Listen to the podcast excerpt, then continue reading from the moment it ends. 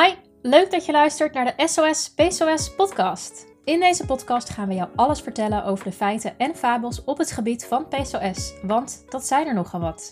Ik ben Margot de Roon en samen met Charlotte Adema, oprichter van het wetenschappelijke PCOS-platform Lifestyle en Hormoons.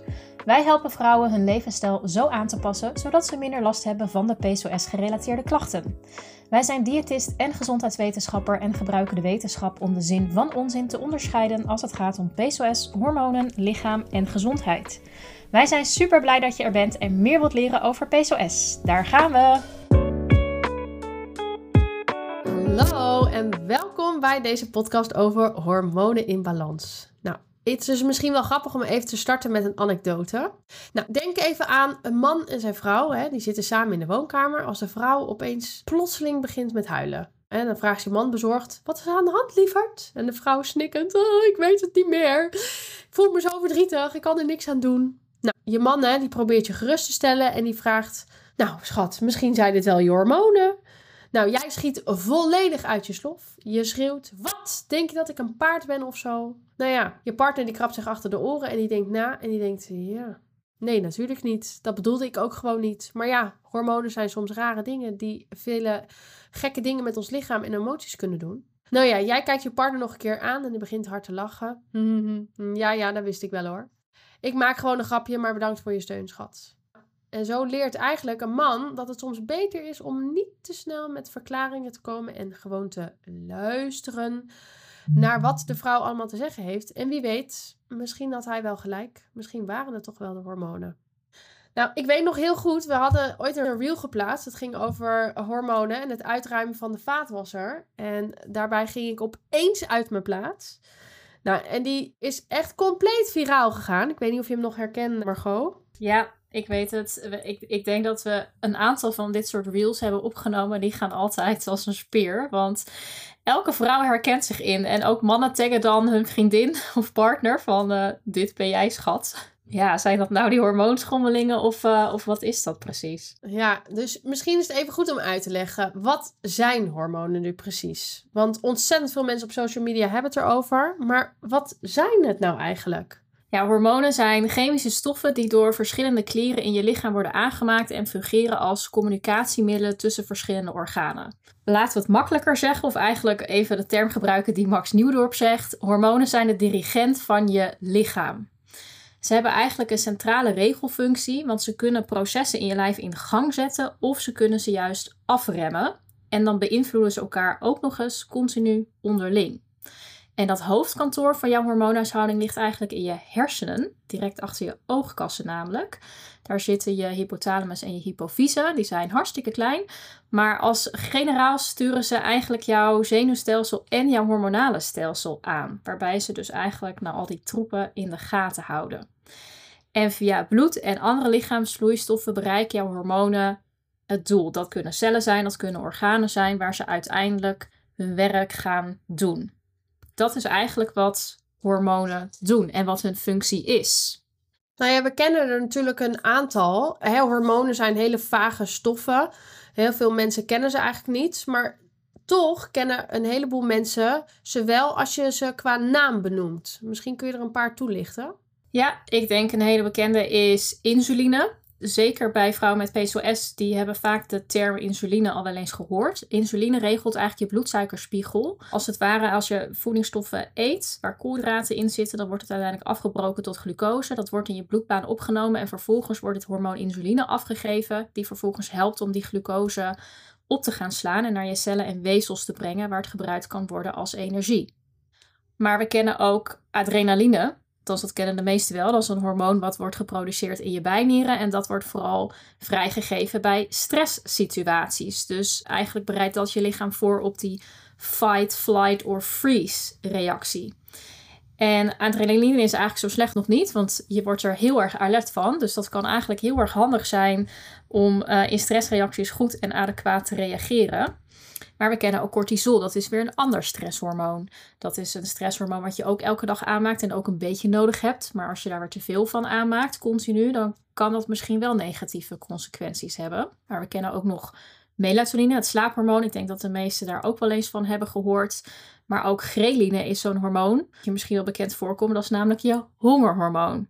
Er zijn hartstikke veel hormonen, dus hier kunnen we heel lang op doorgaan. Maar de vraag vooral bij deze podcast is: ja, je hormonen in balans. Wat betekent dat nou? Ja, nou ja, weet je, eigenlijk betekent het niks. Er is gewoon geen wetenschappelijke term voor, of geen wetenschappelijke basis misschien kun je wel zeggen, voor je hormonen in balans. Of hormonen uit balans. Want dan zou je eigenlijk zeggen van, nou ja, er is een optimale vorm waarop je je hormoonhuishouding met elkaar fungeert. En dat is natuurlijk niet zo, want het is maar goed dat die af en toe een beetje fluctueren. Want anders dan kom je s'avonds niet in slaap. Hè? Als je geen melatonine aanmaakt, ja, dan, dan slaap je waarschijnlijk slecht. Hè? En op het moment dat jij bijvoorbeeld heel erg verliefd bent, dan heb je hormonen ook nodig om die spanning en sensatie en die liefde ook met iemand te kunnen voelen. Dus het is juist wel lekker als je hormonen af en toe een beetje pieken en een beetje dalen. En dat hebben we bijvoorbeeld ook nodig, hè? want LH, dat is bijvoorbeeld weer zo'n hormoon. Nou, dat moet pieken als je wil gaan ovuleren. Is toch wel handig als dat één keer in de maand even goed een piek geeft, want daarmee ovuleer je bijvoorbeeld weer. Dus er is eigenlijk niet echt een wetenschappelijke basis voor de term. Toch snappen wel heel veel vrouwen wat we ermee bedoelen, als je dat niet ervaart. Want dan horen we heel vaak vrouwen zeggen, ja, het voelt allemaal gewoon even niet zo lekker. Ik zit gewoon niet zo lekker in mijn vel. Ik voel me gewoon al geheel een beetje meh ja, het voelt gewoon niet alsof ik helemaal in balans ben. Dus de term je hormonen in balans kent dus geen wetenschappelijke term. Maar wij als vrouwen, of heel veel mensen, snappen wel heel erg goed wat we bedoelen op het moment dat dat niet het geval is. Ja, eigenlijk zorgen hormonen voor dat lichaamsfuncties goed verlopen en hebben daarmee dus invloed op zowel je emoties, uh, je denken, je energie, je gemoedstoestand, maar ook heel veel andere processen. En het ene hormoon heeft wel veel meer invloed dan het andere. En vooral die geslachtshormonen en overigens ook schildklierhormonen zijn ontzettend krachtig. Dus ja, als je dan spreekt dat ze uit balans zijn, dan hebben we het eigenlijk over dat ze dus niet op het juiste moment pieken of dalen. En dan kan zich dat dus op heel veel manieren uiten. Dat gaat van gewichtstoename, vermoeidheid, stemmingswisselingen, pijn, onregelmatige cyclus, haaruitval, uh, vruchtbaarheidsproblemen, slecht slapen, laag libido. Nou, dat, dat kan het dus een hele reeks aan klachten geven. Wanneer ben je dus in balans? Dat is eigenlijk als dus die hormonen in een ideale verhouding tot elkaar staan en zo samenwerken dat je lichaam in een goede conditie blijft. Maar ze moeten dus juist wel fluctueren, oftewel stijgen en dalen. Dat hoort er dus bij. Misschien goed om even nog verder in te gaan op die hormonen die dan betrokken zijn bij PCOS. En, en moeten die fluctueren en pieken en dalen? En hoe zit dat? Laten we misschien even kijken naar de hormonen die we in ieder geval goed kennen. Dat is bijvoorbeeld het luteiniserend hormoon. Je LH-hormoon, dat is een hormoon wat normaliter eigenlijk niet zo heel veel doet, je hele cyclus. Behalve bij je ovulatie en zorgt ervoor dat die ijsprong kan plaatsvinden. Het vervelende alleen van dit hormoon is dat bij vrouwen met PCOS dit hormoon veel te veel wordt aangemaakt gedurende die hele cyclus. Dat maakt ook dat bijvoorbeeld ovulatietesten eigenlijk niet betrouwbaar zijn, want je vindt hem eigenlijk continu te hoog terug. Uh, dus je ziet niet goed genoeg wanneer je ovulatie heeft plaatsgevonden.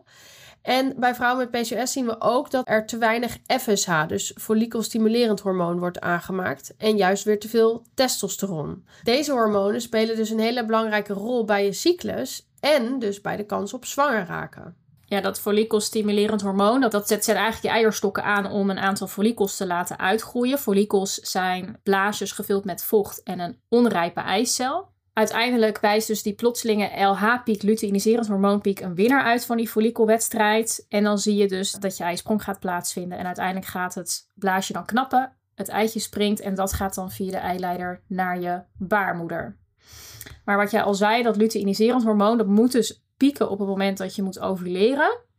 Maar we zien dus bij PCOS dat die eigenlijk vaak continu heel hoog is. Dus eigenlijk waar die juist moet fluctueren, zie je juist dat die bij PCOS dus niet genoeg fluctueert. Terwijl dus heel vaak natuurlijk wordt gedacht, oh, hormonen in balans, dan moeten ze altijd maar heel stabiel zijn en op hetzelfde level. Maar dat is juist niet zo. Nee, daarom vind ik het dus ook wel grappig, want er wordt heel veel gesproken over je hormonen in balans. Nou, laten we alsjeblieft hopen dat op die manier dus niet in balans de hele dag blijven, want dan doet ons lijf dus niet zo heel erg veel.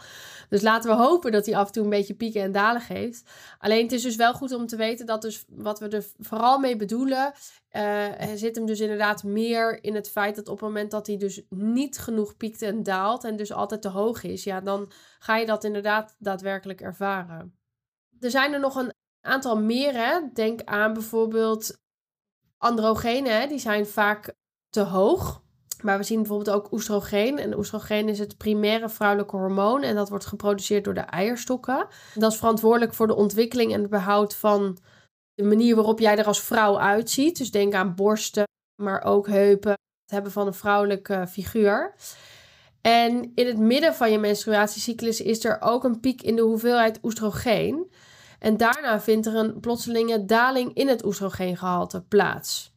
Ehm, en de rest van de maand daalt en stijgt het oestrogeen eigenlijk heel geleidelijk. Nou, en dan kennen we natuurlijk nog progesteron. Hè? Dat is van groot belang voor vrouwen met een kinderwens. En een tekort, en dat wordt helaas niet altijd opgemerkt, dat leidt tot verminderde vruchtbaarheid.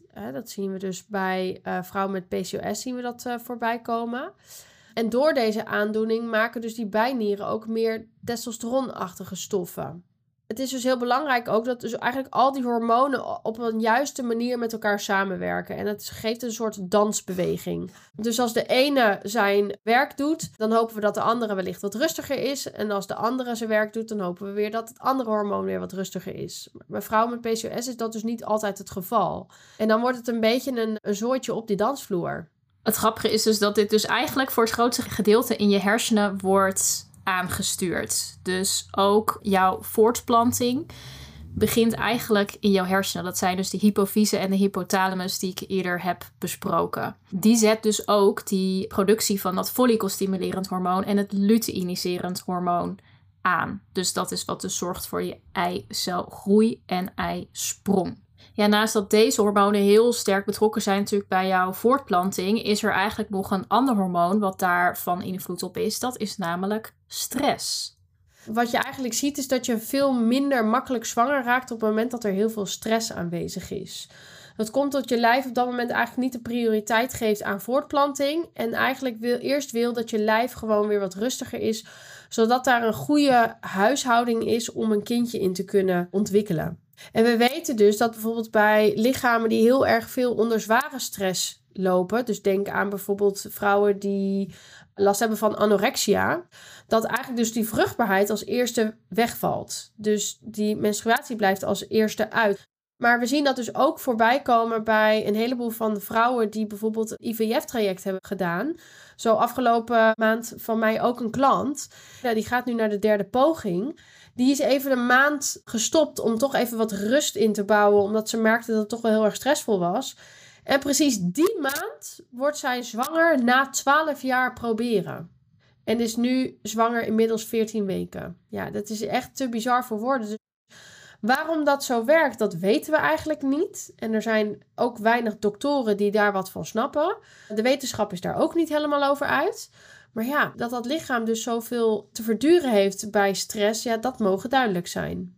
Ja, en ik denk nog een, uh, nog een andere misvatting die we vaak horen over als je hormonen uit balans zijn, dat je altijd gelijk medicatie nodig hebt. Dat hoeft niet zo te zijn. Uh, je kunt met een gezonde voeding en leefstijl zorgen dat nou, die hormonen op die dansvloer de choreografie beter op elkaar hebben afgestemd. Maar wel een kanttekening hierbij. Dat geldt natuurlijk ook weer niet altijd zo. Dat we met voeding en leefstijl dat helemaal kunnen oplossen. Denk ook aan schildklierproblemen. Dan kan je er gewoon niet onderuit komen om medicatie te gebruiken. Maar we kunnen met voeding en leefstijl wel een positieve invloed uitoefenen op die hormonen. Althans, dat zien we heel veel terug in de praktijk. We zien eigenlijk dat je lichaam een enorme connectie heeft met je hormonen en ook met je mentale welzijn. Dus ga je lichaam beter voeden, dan kan dat dus mogelijk een positief effect hebben op de juiste fluctuatie van die hormonen. Ik denk dat de takeaway message voor vandaag is dat als je het gevoel hebt dat je lijf niet helemaal doet wat het eigenlijk zou moeten doen, dat je het gevoel hebt dat je zelf niet helemaal lekker in balans bent, dat er dan dus een heleboel manieren zijn om toch hiermee aan de slag te gaan. En vooral dat het volgen van een gezonde levensstijl daar vaak nummer één in is. Het vermijden van chronische stress is nummer twee. En dan eigenlijk het krijgen van voldoende slaap en voldoende beweging is dan nummer drie, die dan heel erg belangrijk daarbij zijn. En op het moment dat je het idee hebt dat je lijf niet helemaal werkt zoals het zou moeten werken. Hè? Dus als jij het gevoel hebt, nou laten we even teruggaan naar de term die iedereen begrijpt. Als jij het gevoel hebt dat je hormonen uit balans zijn en wil je nou meer weten over de hormonen, sluit dan eens aan bij onze masterclasses. Die geven we heel regelmatig, die zijn altijd gratis. En daar gaan we je dan ook nog heel veel vertellen hierover. In de link hieronder kun je je daarvoor aanmelden. Dankjewel voor het luisteren en hopelijk tot snel. Doei! Doei! Heb jij genoten van deze podcast en wil je graag meer weten? Ga dan naar onze website www.lifestyleenhormoons.com of volg ons Instagram-account Lifestyle Hormoons voor meer tips en informatie over onze diensten en producten. De informatie in deze podcast is informatief van aard en op geen enkele manier medisch advies of vervanging van medisch advies. Neem bij twijfels en klachten altijd contact op met een medisch professional.